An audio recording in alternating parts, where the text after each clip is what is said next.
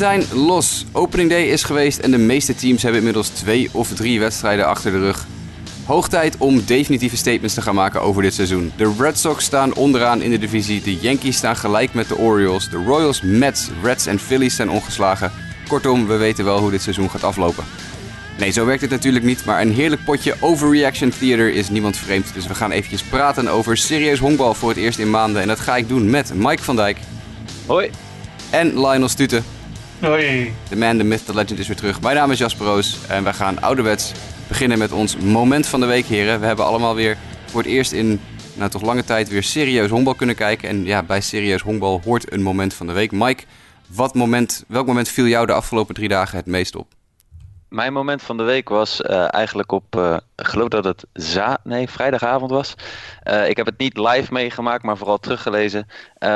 er was dus tijdens de wedstrijd van de Dodgers tegen de Diamondbacks, toen AJ Pollock zijn eerste home run voor de Dodgers sloegen, het geval dat aan de andere kant van Amerika Paul Goldschmidt nog een home run sloeg. En dat was toch wel, het nieuwe seizoen is begonnen. Oude vrienden, zeg maar, hebben nu een ander onderkomen. Ja, dat is ook wel mooi dat ze dat vrijwel tegelijkertijd die, die home runs sloegen. Lionel, ja. wat is jouw moment van deze week? Ja, het is nog vroeg in het seizoen natuurlijk, dus of het veel betekent weten we nog niet. Maar groot moment, hè. Mitch Moreland die als uh, pinch hitter een home run slaat gisteravond, uh, zaterdagavond. Ja, dat vind ik mooi. Hè. Dat, is, uh, dat mag inmiddels bekend zijn. Dat, het presteren op het moment dat het moet en dan met een grote klap, daar kan ik altijd van genieten. Ja, ja, zeker. Mitch Moreland weer terug bij de Red Sox op, ja, op de stack waar hij al veel successen heeft beleefd. Mijn moment van de week is uh, het debuut van uh, Eloy Jimenez bij de Chicago White Sox uiteraard. Hij heeft inmiddels zijn eerste twee hits al te pakken. Zijn eerste RBI kwam na een hit by pitch. Dus dat is ook wel weer een, ja, manier om je eerste RBI te vinden. Maar in de tweede wedstrijd tegen de Royals sloeg hij twee honkslagen. En heeft hij ook gelijk zijn eerste strikeout te pakken. En hij heeft zowel de, de bal van zijn eerste hit, als de bal van zijn eerste RBI, als de bal van zijn eerste strikeout mee naar huis genomen. Want hij wil ook aan die strikeout herinnerd worden. Dus uh, nou, Eloy is los. Sowieso zijn alle rookies uh, goed los. En daar gaan we het zo meteen nog even hebben. Want er zijn er veel meer die meteen al spijkers met koppen hebben geslagen. Voordat we dat doen, kwam er nog wat nieuws naar buiten. Vlak voor het seizoen begon. Namelijk dat Jacob de Grom bij de New York Mets een extension heeft getekend van 4 jaar en 120,5 miljoen dollar. Het is natuurlijk een, ja, een periode waarin vrijwel in één keer iedere superster een verlenging tekent. En Mike, wat, wat hebben de Mets hier goed en slecht gedaan? Nou ja, ik denk dat ze in ieder geval uh, voor de komende jaren zeker zijn dat ze uh, een ace hebben in Jacob de Grom. En hij is natuurlijk afgelopen jaar heeft hij een ontzettend goed seizoen gehad. Uh, en ik moet zeggen, weet je, vier jaar is, is geen gekke deal. De, de beste man is al 30 jaar. Dat heb je ook al eerder een keer aangekaart. Hij is niet eens zo jong als je misschien zou denken. Maar ze hebben in ieder geval verzekerd dat ze een, een stevige ace hebben voor de komende jaren in New York. En ja, dat is, dat is denk ik wel fijn. Ja, en, en het past denk ik ook in het plaatje. Er was heel veel discussie over in New York over wat moeten we hem extenden of niet. En ja, natuurlijk kan je er niet, uh, ja, niet onderuit. Sommige mensen die net een, zeker als je net een Cy Young wint, dan moet je gewoon uh, betaald krijgen. En het heeft denk ik ook wel geholpen, Lionel, dat Brody Van Wagenen, de Mets GM, de oude agent is hè, van Jacob de Grom. Dat zal vast mee hebben gespeeld. Je weet hoe dat werkt in dat wereldje. Als de lijntjes kort zijn, dan heb je vaak de beste kansen. Ik denk zeker dat dat mee heeft gespeeld. Maar het is natuurlijk gewoon een goede deal ook. Los, los daarvan is het gewoon een goede deal. Ja, het is denk ik een fair deal ook. Uh, vier jaar 120,5 miljoen. Ik denk dat niemand daar iets over kan zeggen. Ja, tenzij natuurlijk de Groms arm eraf valt aan het eind van het jaar. Maar die gok moet je nou eenmaal nemen. Uh, over uh, gokken gesproken. De LA Dodgers die, waren heel goed bezig op, op opening day met gokken. Want die wisten precies welke bal er op ze afkwam. Want acht home runs, Mike, sloegen ze in één wedstrijd. Ja, het was. Uh, het, ik heb sowieso veel home runs gezien op opening day. Maar goed, dat, uh, de, deze wedstrijd was bij uitstek het voorbeeld daarvan. En uh, ja, geloof het of niet, dan staat je ace voor de Diamondbacks op de heuvel, Zach Greinke. Maar dat was een soort BP aan het worden op een gegeven moment. De een na de andere bal vloog over de hekken. En nee, de Dodgers lieten wel even duidelijk zien dat zij serieus zijn met hun ambities voor dit seizoen. Ja, iedere, iedere bal leek het wel alsof ze precies wisten wat, wat Greinke aan het gooien was. Uh, waren home runs van uh, Jock Peterson en Enrique Hernandez, allebei twee. Uh, Austin Barnes, Corey Seager, Max Muncy, Cody Bellinger. heb ik ze allemaal gehad, geloof ik, hè? Dat waren ze allemaal. Volgens mij wel, ja, volgens mij wel. Maar laten we, laten we wel even dit moment even vastleggen. Als ze nou straks weer in het zicht van de haven stranden, zoals ze de laatste jaren ieder jaar hebben gedaan, hoe weinig die acht home runs dan op opening day waard zijn geweest. Nou ja. ja, maar daar wil ik wel in ieder geval aan toevoegen. Afgelopen nacht hadden ze uh, weer 18 runs gescoord. Dus of de Diamondbacks pitching heeft serieus problemen. Uh, of deze line-up heeft echt wel uh, ook wat, wat pop. Nou ja, dat, ik denk dat dat zeker wel het geval is. Ja. Ik denk dat deze jongens Absoluut. wel kunnen slaan. Ja. Wat, ik, wat ik opvallend vond aan die acht home runs was dat als je kijkt naar de historische implicaties daarvan. Hè, de, het vorige record was zes home runs op, op, op opening day in één wedstrijd. Um, dat was uh, uh, vorig jaar, is dat gezet, door de White Sox tegen de Royals. Zes home runs. Althans, dat was geëvenaard. Want daarvoor, hebben jullie enig idee wat het laatste team was voor de White Sox van uh, vorig jaar... die zes home runs in één wedstrijd sloegen? Ik weet niet welk team het was, maar ik weet wel dat het heel lang geleden was. Want volgens mij hebben we het daar vorig jaar ook over gehad. En toen was ik er ook al zo verbaasd over. Het waren de Mets in 1988. Ja. Dus nu het ineens back-to-back jaren gebeurt, terwijl het in 88 uh, voor, het, e-, voor het laatst daarvoor gebeurde. Dus dat is weer een sign of the times met uh, de enorme hoeveelheid home runs die tegenwoordig uh, geslagen wordt, denk ik. Dus dit is wel een, ja, dat is wel even iets om in de gaten te houden, denk ik. Um, nieuwe hitting coach natuurlijk ook, hè, in, in LA, Robert Van Skoyok. Dus misschien dat hij ja, een leuk trucje heeft geleerd aan de dames en heren in LA. Het heeft, ze, het heeft ze niet geholpen nog heel erg, hè, want ja. ik geloof dat de Dodgers niet supergoed... even kijken, hoe zat het weer met de Dodgers? Twee gewonnen, één verloren. Twee, één verloren, ja. Ze staan uh, gedeeld eerste met de Padres en de Rockies in de divisie. Oké. Nou, dat is dan weer, dat is dan weer prettig. Um, ook minder leuk nieuws voor uh, een paar contenders.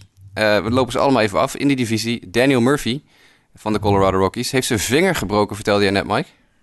Ja, dat klopt. En in ieder geval is gebleken dat het zijn indexvinger volgens mij gebroken is. En er wordt nu ook voorzichtig aangegeven dat de Rockies uh, rekening houden met dat er misschien zelfs wel een, uh, een tendon of een, uh, een ligament beschadigd is.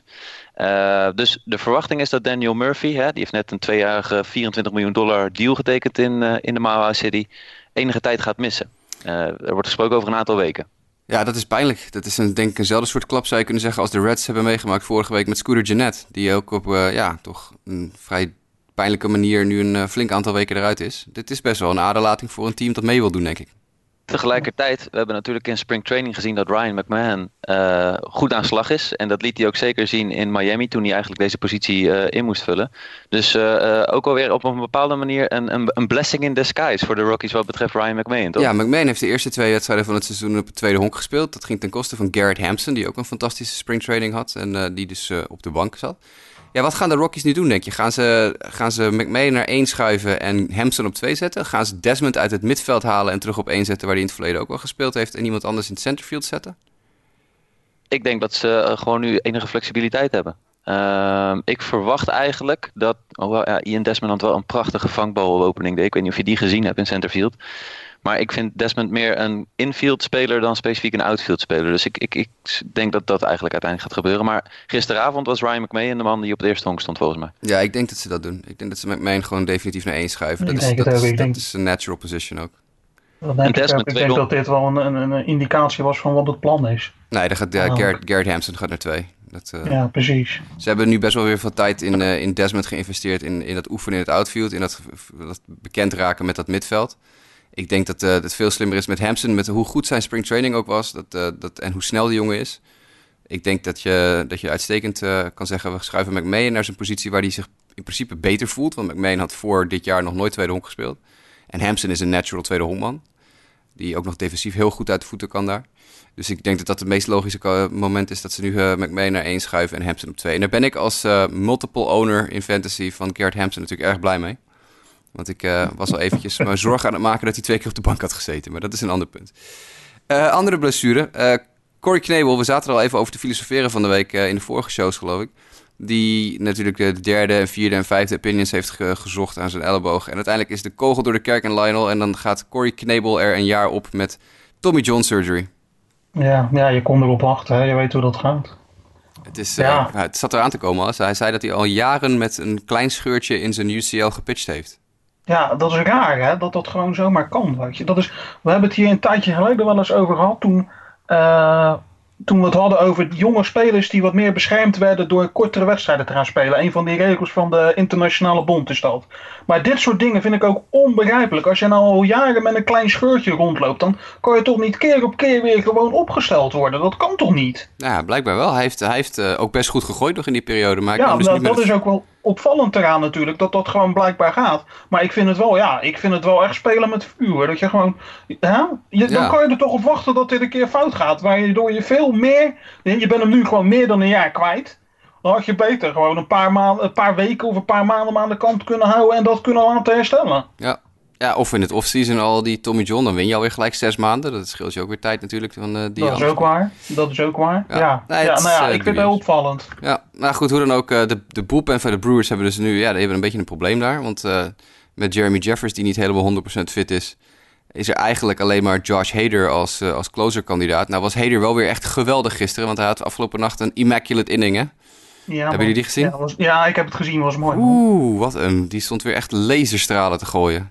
Ja, absoluut. Het, uh, absoluut. Ik hoorde in een andere WhatsApp-groep hadden we het er even over vanochtend. En daar werd gezegd: ja, hij gooit eigenlijk gewoon. Er wordt, er wordt negen keer een fastball gevraagd door het midden. En hij smijt hem maar gewoon die kant op. En de locatie is nooit. Uh, je weet nooit waar die heen gaat. Maar het is wel uh, iedere keer gewoon ja, unhittable. Ja, dat is de country hardball tactiek. Hè? Gewoon keihard smijten en raak hem maar. Nou, dat lukte dus blijkbaar niet. Dus ja, Heder is wel denk ik de meest vooraangeschoven man om hier nu de saves over te nemen. Hoewel natuurlijk ook nog steeds, Mike, gepraat wordt door de Brewers met Craig Kimbrell. Yes, dat klopt. En van wat ik heb begrepen is er nu pretty serious negotiation aan de gang. Uh, het interessante is alleen wel, volgens mij hebben de Brewers op dit moment, gezien hun huidige payroll, niet de ruimte om Kimbrel voor een lange termijn deal of iets dergelijks uh, te contracteren. En Kimbrel zal dus ook ietsje water bij de wijn moeten doen. Uh, wil hij echt daar gaan spelen? Ik ben benieuwd of dat gaat gebeuren. Of dat de Brewers iets anders moeten uithalen waardoor ze weer wat meer geld te besteden hebben. Maar uh, er wordt in ieder geval, de, de naam Kimbrel valt veel in Milwaukee op dit moment. Nou, maar dat is wel interessant dat je dat zegt. Want de Brewers hebben natuurlijk ook al laten zien, uh, eerder dit offseason, dat ze heel creatief kunnen worden met, met contracten, ook op de korte termijn. Want ze hebben dus Jasmani Grandal, uh, waar iedereen dacht Grandal gaat vier of vijf jaar krijgen. Heeft Grandal een, een eenjarige deal getekend bij de Brewers. Dus ze zijn wel in staat om spelers in zo'n deal te praten. Dus dan zou je misschien zeggen van misschien dat ze Kimbrel ook een eenjarige deal gaan aanbieden of zo. Ja, en dan, dan is het uh, interessant om te zien. Kijk, hij heeft een qualifying offer vorig jaar afgewezen van 17,9 miljoen, volgens mij zo'n beetje. Mm. In ieder geval bijna 18 miljoen dollar. Gaat die deal meer zijn? Ik weet het niet. Ik vind het wel uh, interessant of ze nu uiteindelijk dan toch allebei, uh, in ieder geval of Kimbrel dan toch gaat inleveren op die manier. Ja. Dus het is wel iets om te volgen. Een andere ver verlenging in Milwaukee en een speler die jij de vorige keer hebben het ook even over gehad. Mike Moustakas, die liet wel tot nu toe in deze, dit weekend een paar goede staaltjes zien hoor. Zowel qua defense op twee, dat ik dacht oké. Uh, uh, maar ook offensief. Ja, dat is, uh, dat is best een make-or-break dingetje natuurlijk. Als Moustakas op het tweede honk uit de voeten blijkt te kunnen... dan heb je ineens een, een, een, verrassend goede upgrade op die positie. Want ook offensief zal Moustakas altijd zijn steentje blijven bijdragen, denk ik. Um, de Brewers zijn wel, ik vind wel op zich goed begonnen. Christian Yelich, moeten we misschien ook even over hebben drie home runs in zijn eerste paar wedstrijden. Gaat hij op weg naar zijn tweede MVP, uh, eh, Lionel? Ja, absoluut. Absoluut, zonder twijfel. Wij hebben ook uh, een lijstje ingevuld onderling. En dat was ook de eerste naam die ik opschreef natuurlijk. Hè. Ja. En uh, ja, ja, ik denk niet dat iemand hem daarvan gaat afhouden op dit moment. Nou, zeker niet hoe die... En dat zie je ook gelijk aan hoe die nu start natuurlijk. Precies, ja, inderdaad. Ja, het is echt uh, indrukwekkend. De Brewers sowieso goed begonnen. Staan 2-1, tweede in de divisie achter de Cincinnati Reds. Maar alleen maar omdat de Reds pas één wedstrijd gespeeld hebben door een rain-out. Dus, uh...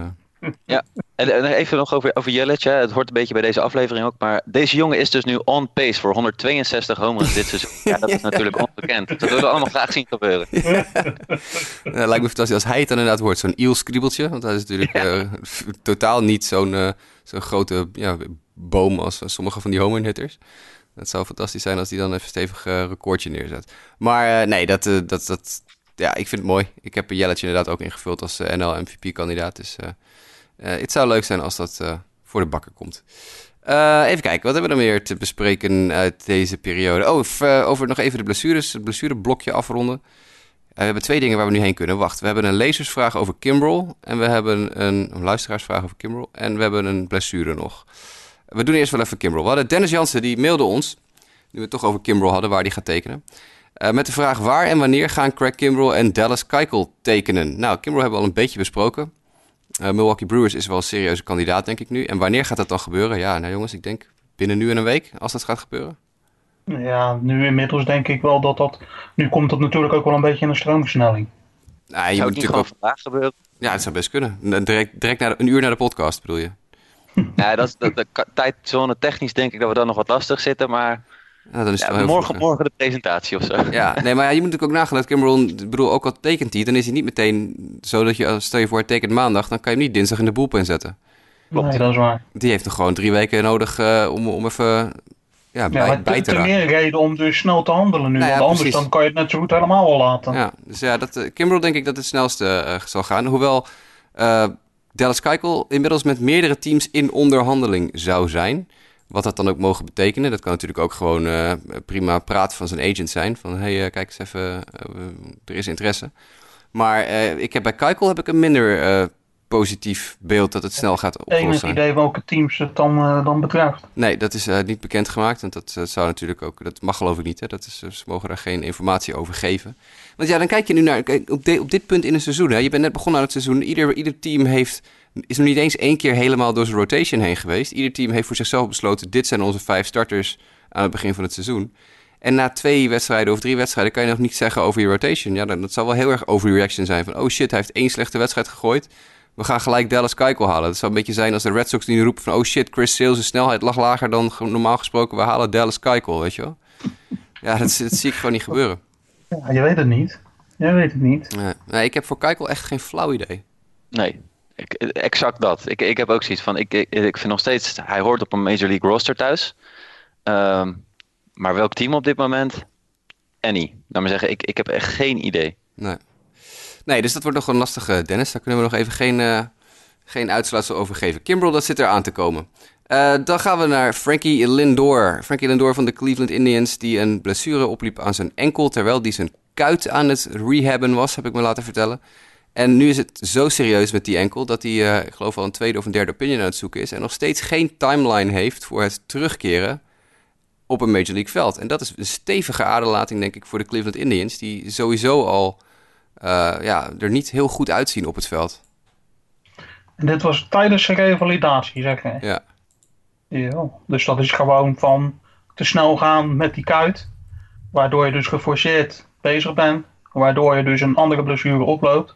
Waardoor we dus weer terugkomen op waar we het net twee, drie minuten geleden over hebben. Als je het nou gewoon een beetje rustig behandelt, had je veel beter af geweest. Ja. Daar komt het op neer. Maar ze, dit is dus ook niet niet duidelijk hoe zwaar dit is en hoe lang dit gaat duren. Ik, uh, voor, wat ik uh, begrijp is, uh, en dan quote ik eventjes wat ik zojuist heb gevonden ook. maandag wordt, gaat Lindor naar Green Bay. En daar wordt hij op maandag door Dr. Robert Anderson, een specialist op dit gebied, bekeken. Ja, nou ja, dat is een second opinion volgens mij. Dat klopt, dat is dan een second opinion. Ja, Terry Francona zegt van, oké, ze weten wat er geblesseerd is en waar het geblesseerd is en hoe het gebeurd is. Alleen het probleem is dat ze niet weten uh, hoe erg het is, want het doet niet zo heel veel pijn. Alleen het probleem bij deze blessure is als je hem opnieuw op die plek geblesseerd raakt, dan kan het echt je weken uh, eruit gooien. Dus ze willen gewoon het ook een kwestie van het zeker van het onzekere nemen. Dat ze niet te snel Lindor op het veld zetten onder het bom van...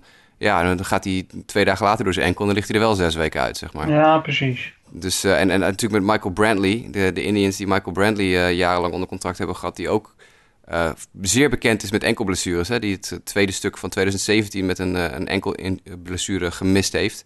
Daar uiteindelijk aan geopereerd is. Dus ik denk dat er een klein beetje sowieso al angst is op het gebied van enkels als het bij de Indians zit. En dan ook nog een keer het risico bestaat dat dit nu dezelfde soort blessure is als Brantley had. En dat zou dus betekenen dat uh, op het moment dat Lindor te vroeg terugkomt, dat hij dan de boel weer zo dusdanig blesseert dat hij ook geopereerd moet worden. En dat wil je natuurlijk nooit. Nee, dat wil je zeker niet. Het maakt in ieder geval de race in de, de AL Central op dit moment. Hè, de openingsserie is toevallig ook Minnesota Twins, Cleveland Indians. Wel leuk. Ja. Uh, en ik moet zeggen, ze hebben die blessure gehad van Jose Ramirez eind van spring training. Maar die is wel gewoon begonnen aan het seizoen. Uh, de Indians hebben in hun eerste twee wedstrijden volgens mij in totaal twee runs gescoord op zes honkslagen. De offense is een zorgpuntje, gaf jij ook aan uh, vorige week of die week ervoor in de, in de preview show. Het is allemaal pas één, twee wedstrijden into the season. Maar het feit is wel dat de Cleveland Indians in twee wedstrijden niet heel veel runs hebben geproduceerd. Dus ik ben benieuwd hoe dat zich gaat ontwikkelen. Ze hebben er ook niet heel veel tegengekregen, want de Indians blijven natuurlijk wel een goede pitching staff. Dus is, ze hebben een run differential van min 1. En de Minnesota Twins hebben dus uiteraard een run differential van plus 1. Want dat is logisch als je tegen elkaar speelt. Ja. Uh, maar ja, goed, die divisie is toch al lang bekend, jongens. De Kansas City Royals staan 2-0 bovenaan. Die gaan gewoon de divisie winnen, toch? Ja, ja. Ja, zonder moeite. Gewoon uh, geen probleem. Twee vingers in de neus. Overreaction ja, theater. Stop er maar mee, weet je. Het is ja. Begin maar vast met die playoffs. Weet je. We maken het allemaal uit, joh. Voor Soler wordt een Silver Slugger. Ja, is duidelijk. Nee, absoluut. Cy Young, uh, Jacob Junis. MVP Martin Maldonado. Oké, we gaan uh, uh, naar de rookies eventjes. Want er zijn flink wat rookies die een, uh, een debuut hebben gemaakt de laatste paar dagen weer. En die zijn allemaal eigenlijk vrij goed begonnen. mijn pick voor Rookie of the Year, waar ik in de podcast hem koos... en later heel sneaky op ons Sport America formulier met de redactie... toch een ander heb ingevuld. Want je moet altijd je kansen een beetje spreiden natuurlijk, dat je het goed hebt. Piet Alonso is heel goed begonnen aan het seizoen van de New York Mets. Aantal hits, ook weer gisteren, aantal RBI's. Ziet er heel goed uit hè, Alonso? Zeker. absoluut, absoluut. Hij, was, ja. uh, hij kreeg Scherzer tegenover zich op dag 1. Dat was eventjes uh, even op een touwtje bijten. Op een houtje bijten. Maar uh, in de tweede wedstrijd tegen... even kijken, wie stond op de heuvel? Strasburg, geloof ik. Die, dat ging stukken beter. Dus Piet Alonso is goed begonnen. Fernando Tatis heeft gelijk al een honkslag te pakken in zijn eerste... Of twee honkslagen zelfs, geloof ik, in zijn eerste wedstrijd. En een uitgegooid op de honken, geloof ik. Ja, wat, wat, mij opviel bij Tatis, kijk, ik had hem nog niet zoveel zien spelen. Bij dit soort uh, jongens moet ik altijd het een keer zien op het uh, op Major League niveau, uh, want ik volg iets minder de minors dan jij. Maar eigenlijk een beetje hetzelfde idee zoals jij net zei bij Jelic. Ik dacht van, hè, ik had Fernando Tatis, dan verwacht je zeg maar in ieder geval van alles wat ik gehoord had, iemand die echt gewoon indrukwekkend eruit ziet. we zeggen groot, breed en in staat is de bal echt over de hekken te jassen. Maar ook een beetje een ieder figuur. Ja, klein, uh, klein skriebeltje ook. Ja, ja, ja. typisch korte stopje. Korte stopje, ja. oude, oude stijl. Ja. Precies, ja. Maar dat hij dan ook uh, een paar goede hits had, dat was wel, het was indrukwekkend. Wat ik een uh, opvallend verhaal van over Tatis gesproken was dat ik van de week las, of gisteren las, dat de, de, een paar San Diego Padres spelers echt gelobbyd hebben bij ownership en bij de coaching staff en bij de GM om Tatis mee te nemen op de Big League roster. Het schijnt dat Eric Hosmer en Manny Machado met z'n tweeën het kantoor van de eigenaar binnengelopen zijn. En hebben gezegd, hey, neemt een of ander, maar we willen dat Tatis meegaat. Als wij dit jaar, wij willen er dit jaar voor gaan. En als we ervoor gaan, hebben we Tatis nodig. Dus hij gaat gaan, maar, maar gewoon mee. En toen heeft ownership gezegd van, nou prima, dan, uh, dan bijten we die kogel wel door. En dan, uh, ja, dan geven we wel die, uh, dat, dat extra jaar control dat we anders hebben als we hem een paar weken in de minors houden, geven we wel op. Dan gokken we het er maar op dat jullie ja, je, je money where your mouth is uh, plaatsen, zeg maar. Dus op, op aangeven van Hosmer en... Uh... Ik denk wel dat je daarop kan vertrouwen. Kijk, het is wel, wel te prijzen van het management dat ze dan inderdaad dat ze, hè, dat, ze dat durven te doen. Want er wordt daar natuurlijk altijd naar de lange termijn gekeken. Hè? Bij, al, bij, in, in, bij elk team is dat. Hè? Hoe vaak heb je dat niet? Dat dan de, de, de jonge mannen nog even achter de hand worden gehouden, puur voor de lange termijn. Maar het is wel zo, dat kan je gewoon niet ontkennen, dat talent herkent talent. Dus als zulke jongens binnenkomen en zeggen van wij moeten hem erbij hebben, dan kan je er ook wel op vertrouwen dat dat gewoon zo is. Ja, en, en je wil natuurlijk altijd je, je supersterren waar je heel veel geld aan geeft uh, te vriend houden, denk ik. Dat is vooral ook het, uh, punt. Dat als je Machado en Hosmer, die verdienen met z'n tweeën, geloof ik, alles. Wat er bij de Padres beschikbaar is. maar uh, ja, goed, dat is, dat is ja, op zich al een goed, goed begin, denk ik hoor, daar niet van. Uh, even kijken, wat hebben we er meer aan rookies? Uh, Pieter Alonso slaat dus uh, 500. er is er eentje bij de Diamondbacks, Mike, die ook heel goed staat te slaan ineens. Eh, Christian Walker heet hij. Ja, ja. Waar komt hij ineens vandaan met zijn twee home runs? Al in zijn eerste paar wedstrijden? Ja, de, de opvolger van Paul Goldschmidt is lekker bezig. Ja, dat, dat is inderdaad. het begint ineens zo waar ergens op te lijken dat ze hem weggetrade hebben.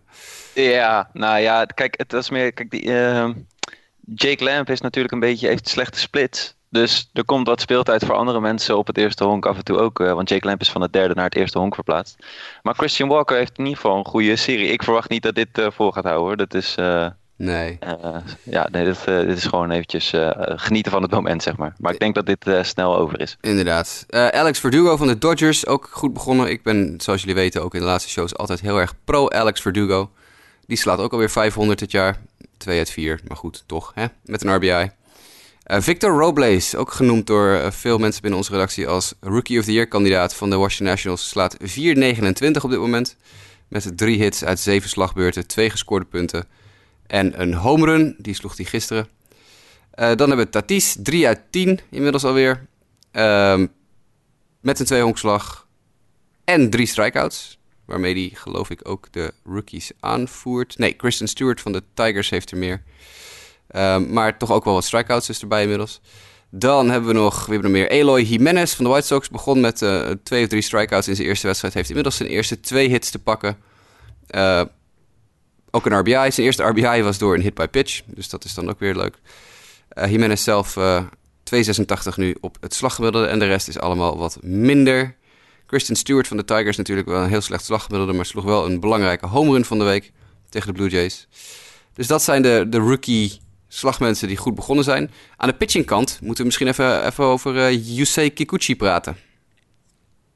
Ja, ik, ja, even, even aan, ja, aan, onze, aan onze Japan-kenner Lionel. Ja. ja, nou ja, ik, uh, ik wil wel een klein beetje treurig nieuws. Yusei Kikuchi, zijn vader is overleden. Wanneer is dat gebeurd?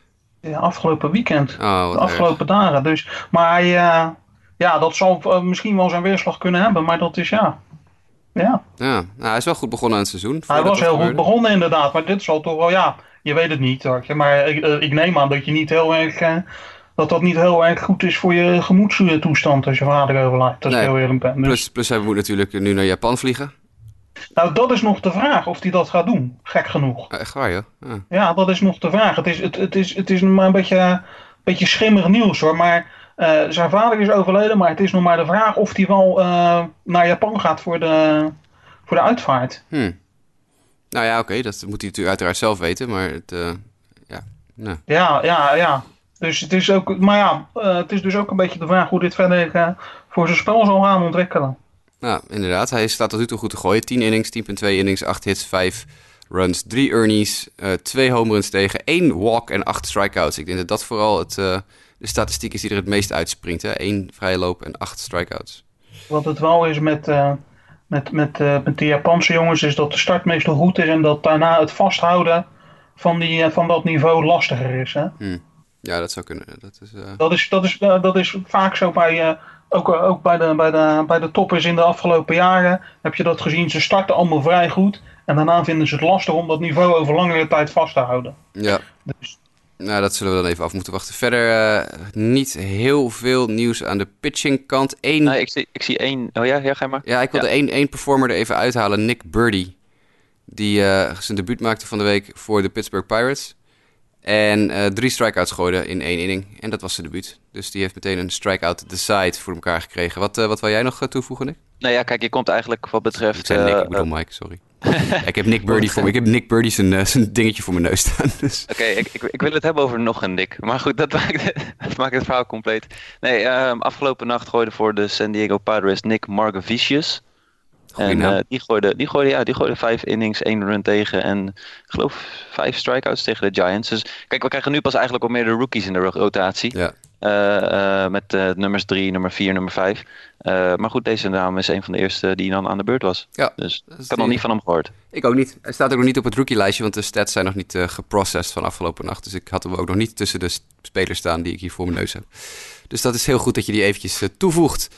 Uh, dat waren de rookies. Even kijken. Oh ja, nog één dingetje wat we even leuk is om te vertellen. We hebben namelijk over rookies gesproken. Uh, er is een speler op dit moment die rondloopt bij de Toronto Blue Jays. Die heet Elvis Luciano. En waarom is Elvis Luciano nou zo speciaal? Elvis Luciano is uh, een tiener. Is de eerste speler in de Major League die geboren is in het jaar 2000 of later. En hij is een Rule 5 pick van de Royals uit december. En moet dus nu het hele jaar op het 25-man roster van Toronto staan als 19-jarige. Uh, en als dat inderdaad lukt, als hij dus het hele jaar op, uh, in de rotation of in de, de, de bullpen blijft, dan wordt hij de eerste speler die een volledig MLB-seizoen als een teenager op een Major League roster doorbrengt sinds The Kid Ken Griffey Jr. ik wil net zeggen, ik ben echt benieuwd wie je nu gaat noemen. Ken Griffey. Ken Griffey was de laatste teenager die een heel seizoen op een Major League roster doorbracht als, uh, als nou, tiener. als, die, als je dan ook de carrière van, van de kid mag doormaken, dan zou ik daarvoor tekenen als ik Elvis Luciano was. Nou, inderdaad. Ja, ain't, ain't gonna happen. Ik bedoel, de, de, ik, het feit dat hij het, het, Major League roster al heeft gehaald, ik weet niet of je, ik heb toevallig zijn spring stats voor me. Uh, uh, vind moet, ik Rule 5 Ja, Rule 5 ja, moet. Anders, anders dan is nee, het kwijt. Klopt, klopt. En, en dat volg ik en dat begrijp ik. Dus logisch, maar goed, normaal gesproken iemand met een ERA van boven de 10 in springtraining hou je niet op een MLB-roster. Nee, maar ja, in dit geval moet het wel. Ze willen, blijkbaar zien ze iets in hem en hij is natuurlijk ook echt pas 19. Dus ik bedoel, ja. Ja. dan is het een kwestie van weten dat je als ploeg niks gaat presteren dit jaar. En dan probeer je dus zo'n jongen een beetje te begraven op de depth chart op je Major League roster. Of die heel veel gaat gooien is ook maar de vraag. Maar dat, uh, dat heeft de, de, Padres hebben dat natuurlijk de, afgelopen jaren tot een kunst verheven. Hè? Dit soort jongens uh, veel te vroeg eigenlijk in de Rule 5 draft uh, ja, wegplukken bij andere ploegen. En ze dan gewoon een jaar lang begraven. En dan kan je ze lekker in je minor league plompen nog een paar jaar. Ja, want deze jongen heeft gewoon niet boven rookieball gegooid. Dus nee. dat dit wordt, wordt nog een uitdaging. Het is heel apart. Meestal worden die spelers die in rookieball zitten ook niet gerule 5 draft om dit soort redenen. Maar blijkbaar hebben de Blue Jays echt heel veel potentie zien zij in Elvis Luciano. Die trouwens bij de Diamondbacks vandaan kwam en toen naar de Royals getrade werd voor John Jay. En de Blue Jays hebben hem dus in de Rule 5 draft opgepikt afgelopen winter. Maar goed, de eerste teenager dus in hele lange tijd op een Major League roster. Gaan we een potje overreaction baseball doen, jongens. Niks is leuker dan in uh, de eerste weekend nadat opening day geweest is... om op die kleine sample size die we hebben... we deden het al een klein beetje voor de gein... maar om daar eens even flink conclusies uit te gaan trekken die totaal niet relevant zijn, die totaal niet belangrijk zijn en heel erg gaan ja, overreageren eigenlijk. Dan wil ik als eerste gaan overreageren op de paniek die gezaaid wordt over Chris Sales fastball snelheid in zijn eerste start. Chris Sale kreeg natuurlijk behoorlijk klappen van de week. Uh, dat komt wel eens voor. Uh, toen werd er gelijk in de Boston broadcast gezegd... ja, maar dat is, dat is typisch Sale. Want die is, uh, begint altijd pas in mei, is zo'n beetje openingdag voor hem. Nou, toen heb ik dat even wat opgezocht. Uh, Mike is, heeft dat meegekregen van de week in die groep waar we in zaten. Dat was dus niet helemaal het geval, geloof ik, hè Mike? Nee, ja, jij hebt de statistieken voor je, volgens mij. Maar ja, uh, het, is, het, is, het is niet uh, ongebruikelijk voor Chris Hill om, om, om even een slechte wedstrijd te hebben. Nee. Maar dat is meer uitzondering dan regel. Inderdaad, hij heeft sinds 2012, als je deze start meeneemt, 30 april starts gehad, Chris Hill. En daarvan heeft hij er drie gehad waar hij meer dan drie earned runs tegen kreeg. Dus 27 starts van minder dan drie earned runs in april. Maar die drie starts dat hij dan wel klappen kreeg, waren het wel stevige. Eén keer acht één keer acht één keer zeven runs. Die zeven runs was afgelopen week. Uh, tuurlijk, als hij een uh, deksel op zijn neus krijgt, is het stevig deksel op de neus. Maar als je 27 uit je 30 starts minder dan drie earned runs in april tegenkrijgt... dan kan je toch niet zeggen, denk ik, wat ze bij Boston op de tv zeiden van de week. Uh, hij heeft het altijd zwaar in april. Dat is dus gewoon geklets. Ja, eigenlijk wel. Het slaat nergens op. Nee. Dus, ja. Uh, ja, het zat gewoon even tegen. Ja. Nou, kan gebeuren. Kan gebeuren. En dan, uh, ja, dan krijg je natuurlijk de mensen die paniek gaan zaaien over zijn snelheid. Want zijn fastball snelheid lag rond de 92,3 mijl per uur gemiddeld in de start van de week. Ja, dat is lager. Normaal gesproken zit hij rond de 95. En hij eindigde natuurlijk vorig seizoen over het hele seizoen ook. Met een gemiddelde fastball snelheid van 95. Maar wat je dan in mijn optiek weer fout ziet gaan, is dat heel veel mensen zeggen: hey, kijk, Vorig jaar had hij gemiddeld 95 mijl per uur. Nu in deze start 92,3. Dat is uh, eh, 2,5 mijl per uur langzamer dan normaal gesproken. Ja, maar vorig jaar heeft hij... Uh, die 95 is over het hele jaar, hè? En als je kijkt naar zijn fastball-snelheid van vorig jaar... dan fluctueert hij van tussen de 90 en 99 mijl per uur per start ongeveer. Er zijn starts waar Sale 91 mijl per uur gemiddeld gooit op zijn fastball. Maar er zijn ook starts waar hij 99 mijl per uur gooit gemiddeld op zijn fastball dat zit bij hem gewoon alle kanten op. De gemiddelde snelheid van zijn fastball zit er werkelijk waar alle kanten op. En dat kan start tot start verschillen. hij kan echt, hij kan één start 91 zitten en de volgende start kan, zit hij dan 96. Dus het verschilt. Zou hij dat bewust doen, denk jij? Dat weet ik niet. Het kan met het weer te maken hebben natuurlijk. Hè. Je kan te maken hebben met mhm. een, een, koud, een koud weerwedstrijd. is altijd wat lastiger voor werpers om hun supersnelheid te halen dan een warm weerwedstrijd. Het kan het stadion zijn. Het kan zijn dat hij in een dicht stadion staat te gooien. Dan gooi je altijd wat harder dan wanneer je natuurlijk met de wind te maken hebt in een open stadion. Dus ik, ik heb niet de statistieken erbij liggen van welke wedstrijden, welke tegenstanders en waar en welk stadion het was. Maar Sale, als je zijn, zijn fastball-snelheden van de laatste paar jaar gewoon allemaal over elkaar heen legt, dan zie je dat hij van de ene tot de andere start, daar kan 6 mijl gemiddeld per, per, uur verschil in zetten in zijn fastball. Dat weet je gewoon bij hem. De ene keer zit hij beter in zijn veld dan de andere keer. En ja, weet je, het, het, kan ook best een strategie zijn. Misschien speelt hij dan wel tegen een team waarvan hij weet, waarvan de scouting weet dat, dat ze niet zo goed slaan tegen minder harde fastballs of zo in het verleden. Dat weet ik niet. De Mariners hadden absoluut geen moeite met hem van de week. Dat, is, uh, moet ook gezegd worden natuurlijk. De locatie was heel prima. Hij gooide al zijn pitches precies waar, die, uh, waar ze gevraagd werden. Alleen is dat wat minder snelheid aan zijn fastball. Nou ja, goed, oké. Okay. Lijkt mij dat het een keer kan gebeuren. Er zijn heel veel mensen die paniek zaaien over Chris Sale. Ik ben niet in paniek, maar misschien ben ik daar de enige in. Nee, ik ook niet. Eerlijk gezegd. Ik denk dat dat wel goed komt. Ja, het is altijd goed gekomen, toch? Zijn arm is er nog steeds niet afgevallen. En gebeurt het wel een keer? Ja, dat gebeurt het een keer, maar ik zie het niet gebeuren. Ik, eh, ik heb er een flesje wijn op staan dat hij in mei eh, weer gewoon eh, gemiddeld 4,95 gooit. Dus dat... Nou ja, zoals je weet, ik hou altijd van verrassende dingen in het spel. Dus ik zou het wel mooi vinden als er een keer ergens een arm opvalt. Ja, gewoon weer, ja. dat is een keer bijna gebeurd, toch? Die gozer die zijn, wiens arm doormidden brak, terwijl Ja. hij een bal gooide. Wie was dat ook Ja. alweer? Weet je dat al oh. verhaal? Dat was een Braveswerper, was dat geloof ik? Die Goed, dat gozer, durf ik niet meer te zeggen. die gozer die een keiharde fastball smeet en zijn arm doormidden brak, midden, midden in zijn, eh, in zijn, in heb- zijn, eh, in zijn beweging. Die- Dat was echt niet fijn om te zien. Ja, wie was dat- ook alweer?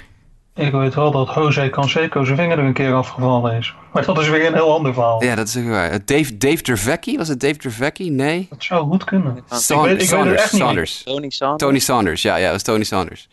Die, eh, die, een, die een bal smeet en zijn arm doormidden brak. Ja, vreselijk. Eh, Ja, dat is echt verschrikkelijk. Toen brak hij hem nog een keer in, eh, in zijn rehab. En het is ook met, eh, met Dan Winkler een keer gebeurd bij de Braves. Die heb ik volgens mij gezien toen. Ja, dat is een paar jaar was, was in de minors? Ja, Was dat in de minors? Eh, weet ik niet, dat is 2016 was het. Even kijken. Die zag er echt, die heb ik toen gezien. Dat was echt verschrikkelijk. Die beelden waren echt niet fijn om naar te... Ja, ja, oh nee, nee, Dan Winkler was in de majors. Die, die brak zijn elleboog terwijl hij aan het gooien was. En de andere drie Ja. werpers bij wie dat gebeurt zijn Dave Dervecki, Tom Browning en die Tony Saunders dus al. Die mid- mid-beweging die een bal smijten en dan breekt je arm door midden. Dat is toch echt verschrikkelijk. Maar goed, dat komt het dichtste in de buurt bij wat jij zegt, Lionel, een arm die eraf valt. Nee. Dus, eh, maar goed, dat is eventjes, even tussendoor. Goedemorgen voor de breakfast-luisteraars die nu... Is, eh, is, is, is wel een aardige overreaction voor vandaag. ja, inderdaad, ja. Eh, James Paxton, over overreaction gesproken. Die kunnen we denk ik wel de Cy Young Award geven. Ja, afhaan, maar eigenlijk gewoon niet meer naar kijken. Niet meer naar kijken. Dat is beslist. Die, die was fantastisch, hè? Absoluut. Dat zag ik echt, Absoluut. als hij toch eens fit blijft. Ja, het is algemeen bekend dat Paxton mijn kryptonite is. En dat ik hem altijd eh, heel fanatiek kies voor, eh, voor allerlei lijstjes en allerlei dingetjes. Maar dit zag er toch wel weer echt tasty uit, hoor. Mooi, ja. Ja. Maar goed, oké, Cy Young Award dus voor hem. Eh, over overreaction gesproken, dat wij niet eens overreacten. Maar we kunnen natuurlijk altijd op de Philadelphia Phillies fans bouwen of als het op eh, overreaction komt. Hè? Bryce Harper uitgejoeld van de week na zijn eerste strikeout. Ja. Ja. Ja. Ja, is dat, ja, ja. Eh, Het is de, het, het, ik denk dat dat het gevoel voor humor in Philadelphia dat blijkbaar is. Veel meer kan ik er niet van maken. Kijk, de jongen had hartstikke mooie schoenen aan. Laten we daar even heel kort bij stilstaan. Het zijn echt de mooiste schoenen die ik ooit gezien heb. En de beste schoenen die je kan dragen in Philadelphia. Prachtige groene Philly Fanatic schoenen met van die oogjes erop. Ik vond het echt super vet. Ehm, en dan gaat hij de, de eerste keer niet eens met een strikeout, de tweede keer met een strikeout. En dan gaan we uitjoelen. Ja, ik bedoel, laat je hem dan zo thuis voelen? Ja, nee, maar dat weten we van Phillies fans. Hè? Phillies fans Ja. zijn eh, the worst in sports. Zowel voor de Eagles als voor de, eh, de Phillies. In Philadelphia, dat, eh, dat, eh, ja, dat is... Daar moet je tegen kunnen. En Harper kan dat wel, want eh, de dag daarna sloeg hij een bom van een home run. Dus, eh, en toen kreeg hij een curtain call. Dus uh, nou goed, ik denk dat alles wel weer goed is hoor in uh, Philadelphia. Maar ja, hij kan er blijkbaar wel tegen. Maar ik vind altijd Phillies fans uh, in Amerika, Philadelphia sports fans, vind ik altijd een beetje meh. Ik bedoel, uh, wat je zegt, laat ze eens eventjes een speler even settelen, weet je wel. Kom op. Klopt, ja. Uh, Paul Goldschmidt, die sloeg er voor zijn nieuwe team 3 in 1 wedstrijd uit van de week. Mijn fantasy team Better Call Paul was daar erg gelukkig mee. Want uh, ja, drie homers in één wedstrijd zie je niet zoveel. Maar Goldschmidt uh, heeft denk ik zijn plekje wel gevonden in St. Louis. Doet dit pijn voor jou, Mike? Uh, ja, ja, ja. Ja en nee. Ja, kijk, weet je, ik vind het in ieder geval mooi dat ik, ik, je wenst hem ook het succes dat hij heeft in St. Louis. Ik wil wel, oké, okay, mag ik dan ook een kritische noot? Ja, we gaan over Ja, kraak jij weer eens even een kritische noot. Ja, dus um, Milwaukee Stadion is eigenlijk vergelijkbaar met Chase Field voor de Humidor. Dus daar vliegt de bal makkelijk. Dus dat hij zich semi thuis voelt in Milwaukee kan ik dan soort van wel plaatsen. Ik wil wel zien hoe Paul Goldschmidt het echt gaat doen in St. Louis. Ja, dat, uh, dat uh, zullen we zien. Hij heeft natuurlijk nog... Uh, maar ja. ik ben een believer, hè? dus wat dat betreft, ik, ik ga ervan uit dat hij succes beleeft. Maar dit, is, dit, dit vind ik ook wel weer een beetje, kan ik hierdoor verklaren. Nou ja, ook hij op, uh, op schema voor 162 home runs hè, dit jaar. Dus. Ja, ja. Nou ja, weet je wat ik hier wel van vind? Weet je, een, uh, een drie home run game is wel leuk, maar het is natuurlijk geen Scooter Jeanette. Nee. ja. Oh, Scooter, ik mis je zo. Uh, Josh Haders Immaculate Inning hebben we het al over gehad. Oh ja, uh, nog meer overreaction theater. De Blue Jays hebben de beste rotation in baseball, want geen van hun starters hebben nog runs tegengekregen. Mark Stroman, Aaron Sanchez. Ja, dat het dan tegen de Detroit Tigers gebeurt, dat moeten we dan maar eventjes negeren. Want uh, anders past het niet in het verhaaltje dat de Blue Jays de beste rotation in baseball hebben. Ja, nee, ja. Ik, mag ik trouwens nog twee aanpassingen doen aan mijn picks? Um, Wel, ja. Op basis van de wedstrijd die ik tot nu toe gezien heb, uh, wordt Tim Beckham, de korte stop van de Mariners, die wordt de MVP in de American League. En zijn pitcher, Marco Gonzalez, dat lijkt me toch ook wel een redelijke Cy Young candidate op dit moment, of niet? Ja, Tim Beckham, dat vind ik altijd een mooi verhaal. Want die jongen is, dus, was een first overall pick, hè? een 1-1 pick. Jaren geleden, hebben we het misschien wel over tien jaar geleden inmiddels. En dat is er nooit uitgekomen bij geen één club. En nu ineens, op zijn 29ste, gebeurt dit. Ik vind dat wel mooi. Ik hou er wel van. Ja, ja, nee, tegen, de, tegen de Boston Red Sox. Maar Marco Gonzalez is ook goed bezig, toch? Marco Gonzalez is uh, strikeout uh, koning van de honkbalweek, hè, geloof ik nog. Dus, uh, en op, op, op dit moment kan je gewoon niet van hem winnen. 2-0. Dus als dat zo doorgaat, hij is uh, ja, 31-0 ja, 31 gaat hij dit jaar. Dat, is, ja. dat kunnen we wel, wel vaststellen. En, en qua negativisme wil ik nog heel eventjes Hugh Darvish een start van gisteravond toch wel even belichten. Dat zag inderdaad niet goed uit, nee. Nou ja, het grappige was, hij begint die wedstrijd met twee strikeouts. Dus dan denk je van, en het zag er super goed uit. En toen kwam Elvis Andrews aan slag en die heeft tegenwoordig een nieuwe walk-up song. Ik weet niet of dat jullie bekend is. Dat is Baby, Shark, ja. ja. En vanaf dat moment is Hugh Darvish het helemaal kwijtgeraakt. Zou ik op zich ook wel zijn hoor, want uh, Baby Shark, daar zou ik ook heel erg van in paniek raken als ik dat in één keer door de speakers in het stadion zou horen schallen. ja, nou dat gebeurde dus, want hij hield het 2.2 innings uit en gooide zeven keer vier wijd. De honken liepen vol die inning, de inning daarna ook. En ja, dat was, dat was niet best. Hij heeft een ERA van boven de 10 op dit moment, in de kortste uh, start van zijn carrière. Overreaction theater, huppakee. We gooien hem op de stapel Verder opvallende statistiekjes zijn dat de Dodgers inmiddels een run differential hebben van plus 19. Uh, eh, die hebben natuurlijk alleen maar tegen de Diamondbacks gespeeld, dus die hebben een run differential van min 19. Dat is echt gigantisch veel. Het team op de tweede plek heeft een run differential van plus 11. Dat zijn de Seattle Mariners. En dan zakt het al heel gauw af naar plus 8 voor de Phillies, plus 6 voor de Cubs. Uh, oh, plus 7 voor de Blue Jays zit er nog tussen. Dus uh, ja, plus 19 van de Dodgers is wel heel opvallend. Die scoren dus heel veel runs en krijgen er minder tegen. Uh, wat is er meer opvallend? Oh ja, uh, de Diamondbacks hadden wij het al even over, Mike. Dat zag er niet zo heel goed uit. De Giants waren heel slecht van de week. Dat was echt om naar te kijken. Dat deed pijn in je ogen. de Orioles, gek genoeg 1-1, maar wel echt een starting line-up, denk ik. Jullie hebben hem van de week ook gezien, denk ik, hè? Wij zaten naar die starting line-up te kijken. Ik denk dat ik twee namen kende. Ja, ik zat die wedstrijd te kijken. en toen dacht ik ook van, hè, dit is uh, ja, Trey Mancini en, uh, en Chris, Chris Davis. Davis. ja. en, en, uh, en hoe heet die, die infielder? Villar? Ja, Jonathan Villar, ja. Nee, dat was het inderdaad wel. Oei, maar, toch, maar toch, op dag twee winnen ze gewoon van die Yankees. Ja, bizar.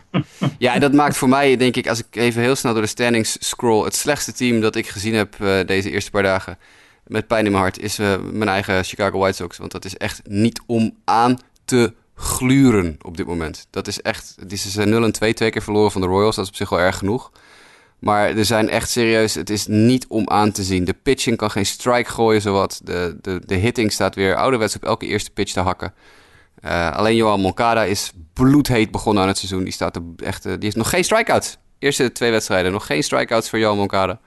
En wel een aantal hits, een home run al, een double. Dus Moncada, die heeft, uh, daar komt zijn breakout seizoen aan.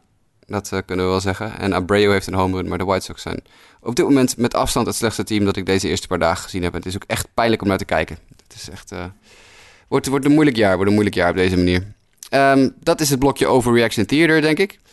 Wat hebben we er meer? Oh, we hebben nog internationaal honkbal. We hebben Lionel in de show, dus dan hebben we altijd natuurlijk internationaal honkbal.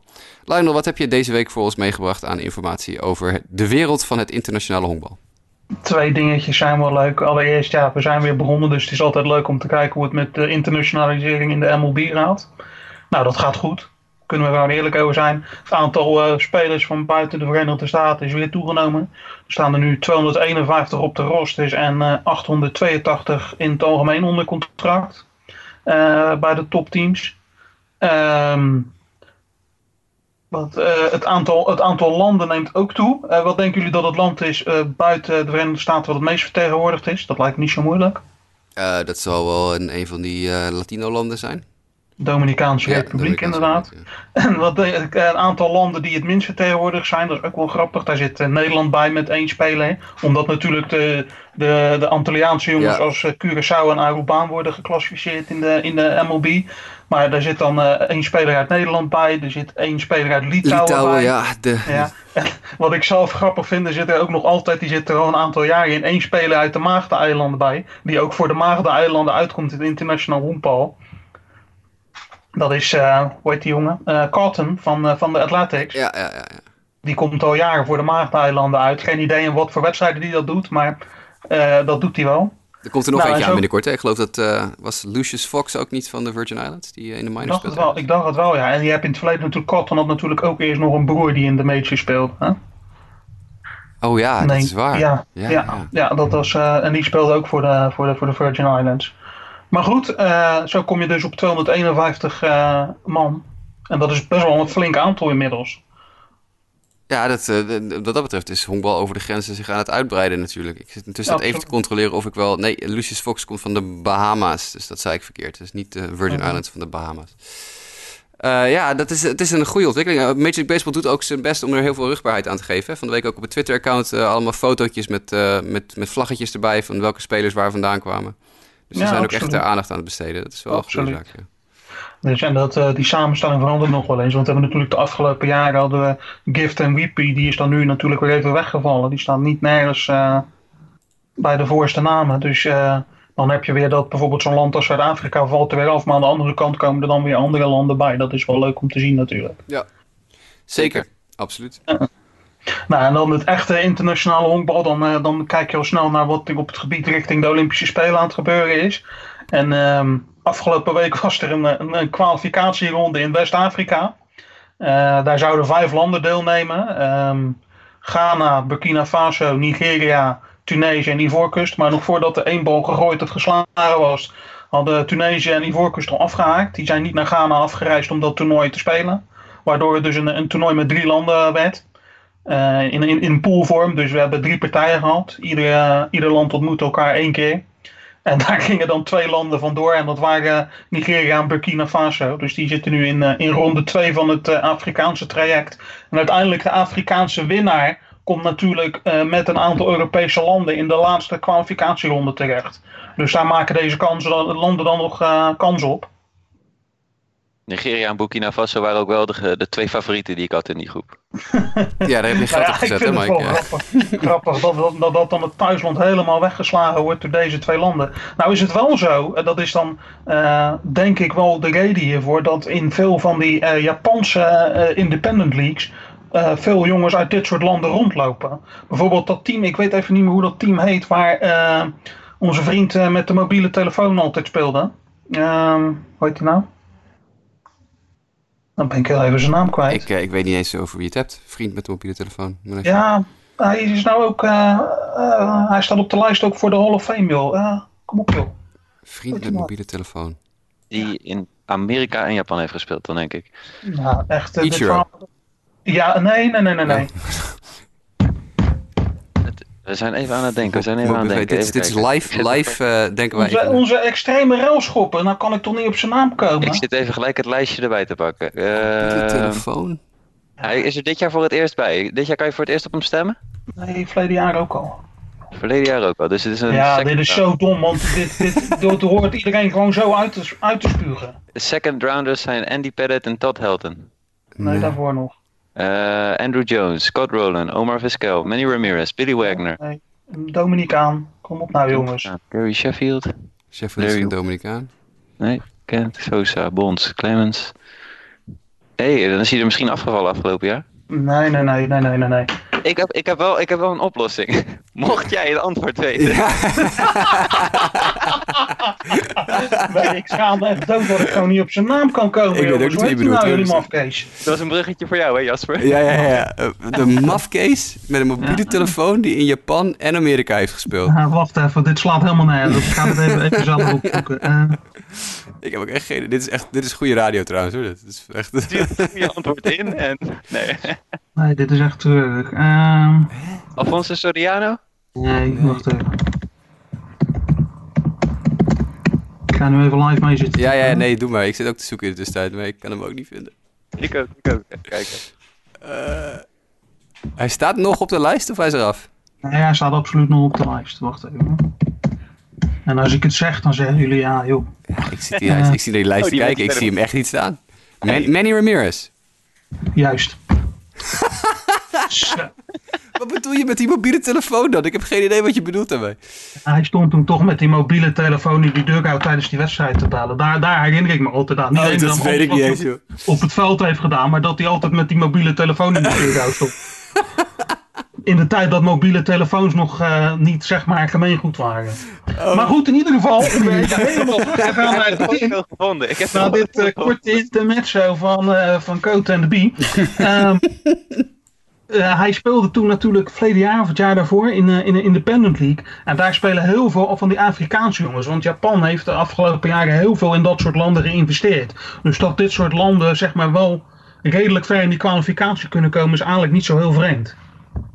Daar wilde ik naartoe. Heel goed. Nou, dat kostte ons maar een paar minuten om daar te komen. Ja, een kleine, kleine zijsprong naar mensen met mobiele telefoons. En, eh, Oh, Ik vind hem mooi. Ja, ik vind ja, het mooi. Oh, goed. Oké. Had je nog meer, Lionel, voor internationaal? Nee, dat was het eigenlijk. Het is natuurlijk zo dat net als in, eh, in, in de Verenigde Staten, ook in de meeste landen wereldwijd, eh, de afgelopen maanden de boel redelijk stil heeft gelegen. Dus het moet nu weer een beetje op gang komen. Oké, nou prima. Dan, eh, dan gaan we een einde aan breien, denk ik. Want het is, het is weer, we hebben genoeg gedaan. We moeten nog één ding wel doen. En dat is namelijk, eh, de mensen die dat op ons Twitter-account al gezien hebben, die weten dat dit eraan zit te komen. We hebben nog een prijsvraag. Want wij kregen afgelopen week van onze vrienden van Sony PlayStation Benelux eh, een drietal MLB The Shows 2019 eh, toegestuurd. Met de mededeling, hoi, jullie mogen dit weggeven. En dat hebben we gedaan. We hebben twee stuks al weggegeven van de week via Twitter, via leuke fotoacties. Maar we hebben nog een derde exemplaar weg te geven. En dat hebben we dan vooral voor de mensen die bijvoorbeeld geen Twitter hebben, of geen Facebook hebben, of wat dan ook. Eh, het artikel eh, staat nog op de site van de afgelopen prijsvraag. Dus mochten mensen dat willen zien, kunnen ze dat even bekijken. Maar we gaan een nieuwe prijsvraag maken voor de podcastluisteraars die een exemplaar zouden willen winnen van het PlayStation spelletje MLB The Show 2019 met Bryce Harper op de cover uiteraard. Eh, en daar hebben we een, de volgende prijsvraag voor bedacht. Het is eigenlijk niet echt een prijsvraag, maar meer een, ja, een, een, een iets doen om een, een prijs te winnen. Eh, mail ons via justabitpodcast.gmail.com. Mocht je mee willen doen, mail ons dan via justabitpodcast.gmail.com. Een leuke vraag voor de volgende show. En meld daarbij ook, eventjes, vermeld daarbij ook eventjes waarom jij die game wil winnen. Eh, de leukste en origineelste vraag en de leukste en origineelste... Dus de combinatie van de leukste en origineelste vraag en de leukste origineelste eh, opmerking waarom jij de game wil winnen, wint een exemplaar van MLB The Show 2019. Dus resumerend, mail naar justabitpodcast.gmail.com. Een leuke mailbackvraag voor volgende week, een originele leuke mailbackvraag voor volgende week. En vermeld ook gelijk in je mail even waarom jij verder die game zou willen winnen. En de leukste combinatie van die twee dingen wint een exemplaar van MLB The Show 2019. Eh, dat hoor je dan in de volgende show, denk ik. Eh, de prijsvraag loopt, omdat sommige mensen natuurlijk niet altijd direct deze show luisteren, loopt tot, eh, laten we zeggen, eh, volgende week vrijdag. Dus vrijdagavond, 11 uur s avonds. En dat is dan vrijdag eh, 7 april. Nee, sorry, vrijdag 5 april. 11 uur s avonds. Dus je hebt de tijd om tot vrijdagavond 5 april te mailen naar justabitpodcast.gmail.com. Een leuke originele mailbackvraag en een leuke en originele reden waarom jij deze game wil winnen. Nou, dat is best goed verzonnen volgens mij. Yes. Dat eh, was nog Ja. even een, eh, een dingetje wat we nog niet helemaal bedacht hadden wat we zouden gaan doen. Ehm, dit was de show. Jullie kunnen zoals altijd ook gewoon normale mails sturen. Als je niet mee wil doen met de prijsvraag, kan naar justabitpodcast.gmail.com. Twitter, at jwkef voor Justin, at mdijk90 voor Mike, at jasperoos voor mij, at inikd voor Nick, at sportamerika voor sportamerika, facebook.com slash sportamerika. Zijn we allemaal te vinden. De show is te vinden op iTunes, op Spotify en noem maar op. Ehm, dat was hem. Meer heb ik niet. Mike, hartstikke bedankt voor je aanwezigheid op deze vroege zondagochtend. Jullie bedankt. Lionel, ook jij weer. Hartstikke fijn dat je er weer een keer bij was. Altijd lachen als je er weer een keer bij bent. Ja, graag gedaan. Eh, graag, eh, nou, laten we zeggen voor 1 mei nog een keer. Als het even kan. Ik denk dat dat wel lukt. Ik vind het altijd wel gezellig. Ja, alleen dan zal ik wel eerst even alle mobiele telefoons en zo zal ik eerst even doornemen. Dan gaan we inderdaad eventjes alle Hall of Famers die in Japan gespeeld hebben nog even op een lijstje zetten, inderdaad. Hey eh, guys, hartstikke bedankt. Heb een hele fijne zondag en we spreken elkaar later. Luisteraars, tot volgende week.